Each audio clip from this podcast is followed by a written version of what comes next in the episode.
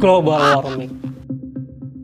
Siapa yang tidak tahu isu global warming dan perubahan iklim? Seiring dengan perkembangan industri, wanti-wanti dampak peningkatan suhu global terus didengungkan. Cuaca yang tidak menentu, es yang mencair di kutub utara dan Antartika, burung kutub yang kehilangan rumahnya menjadi contoh paling mudah untuk membuktikan isu ini.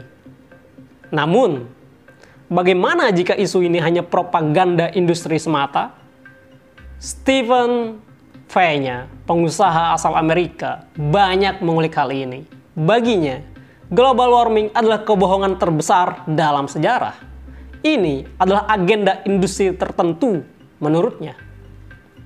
Donald Trump juga pernah menyebut kalau global warming adalah hoax, bahkan disebut sebagai money making industry.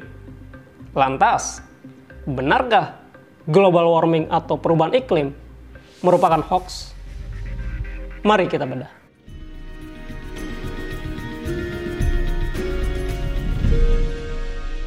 Perhatian, konten ini berisi teori-teori konspirasi yang belum bisa dibuktikan kebenarannya. P-nya dan Trump memang merupakan sosok kontroversial. Keduanya sama-sama memiliki psikis narsis dan frontal. Namun, pernyataan keduanya memiliki derajat kebenarannya tersendiri. Konteks money making industry misalnya. Karena global warming dipercaya akan berdampak bagi keberlangsungan hidup manusia. Investasi pada studi global warming dan perubahan iklim bukan main jumlahnya. Investasi sebesar 1,8 triliun US dollar dalam sedekade ke depan bahkan disebut dapat memberikan keuntungan ekonomi sebesar 7 triliun US dollar. Wow, angka yang fantastis. Tapi, tudingan P-nya dan Trump mudah saja dibantah. Singkatnya, itu bukan agenda industri, melainkan itu demi keberlangsungan industri itu sendiri, serta kehidupan manusia. Namun, bagaimana jika global warming adalah sebuah siklus alami? Bagaimana jika ketakutan kita atas pemanasan global adalah hasil produksi dari media? Nah, di sini narasinya menjadi menarik. Fred Singer dalam bukunya Unstoppable Global Warming mempunyai kesimpulan yang menghentakkan.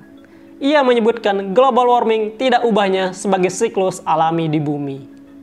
Menggunakan data historis dari dua milenium sejarah yang ditemukan di inti es, sedimen dasar laut, stalagmit gua, dan cincin pohon, Singer menyimpulkan ada siklus 1500 tahun di bumi bahwa bumi akan mengalami pemanasan global. Sebagai contoh, menjadi keheranan tersendiri mengapa bumi terlalu cepat keluar dari zaman es terakhir. Padahal, dengan fakta industri belum ada pada saat itu, kenapa pencairan es dapat terjadi? Hmm, menarik. Selain itu, berbagai sumber menunjukkan dari hampir 80% artikel berita tentang perubahan iklim semuanya berisi peringatan atas pemanasan global. Tentu, siapa yang tidak takut dengan berita-berita semacam itu? Berdasarkan news value theory, ini dapat membentuk framing agar pembaca sepakat kalau pemanasan global benar-benar terjadi. Padahal, sampai detik ini konsensus universal juga belum terjadi tentang apakah global warming atau perubahan iklim benar-benar terjadi atau tidak. Ada yang percaya, ada juga yang menolak keras. Pertanyaannya, mengapa perbedaan itu terjadi. Bagi pembaca Aristoteles, tentu tahu ada perbedaan mengenai fakta dan kebenaran. Fakta adalah sesuatu yang berbasis pada realita. Ini tidak dapat dibantah atau diperdebatkan. Sedangkan kebenaran atau nilai adalah interpretasi dari fakta itu sendiri. Nah, kalau fakta tidak dapat dibantah atau diperdebatkan, Kok fakta-fakta pemanasan global seperti pencairan es di Antartika tetap ditolak? Aneh kan? Seorang filsuf epistemologi bernama Catherine Elgin dapat membantu kita menjawab hal ini. Dalam The Relativity of Fact and the Objectivity of Value, ia justru mengatakan kalau fakta itu relatif. Menurut Elgin, fakta sebenarnya bergantung pada penilaian atau kategori kita tentang apa yang pantas disebut sebagai fakta.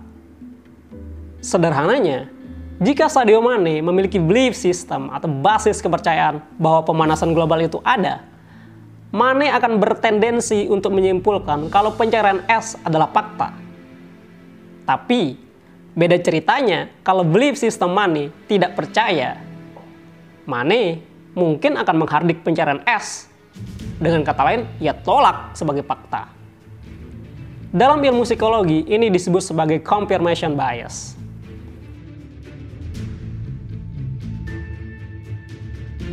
Terima kasih telah mendengarkan konspirasi kali ini. Jika kalian suka, bisa kunjungi pula website pinterpolitik.com untuk mendapatkan info-info seputar politik yang ada di Indonesia.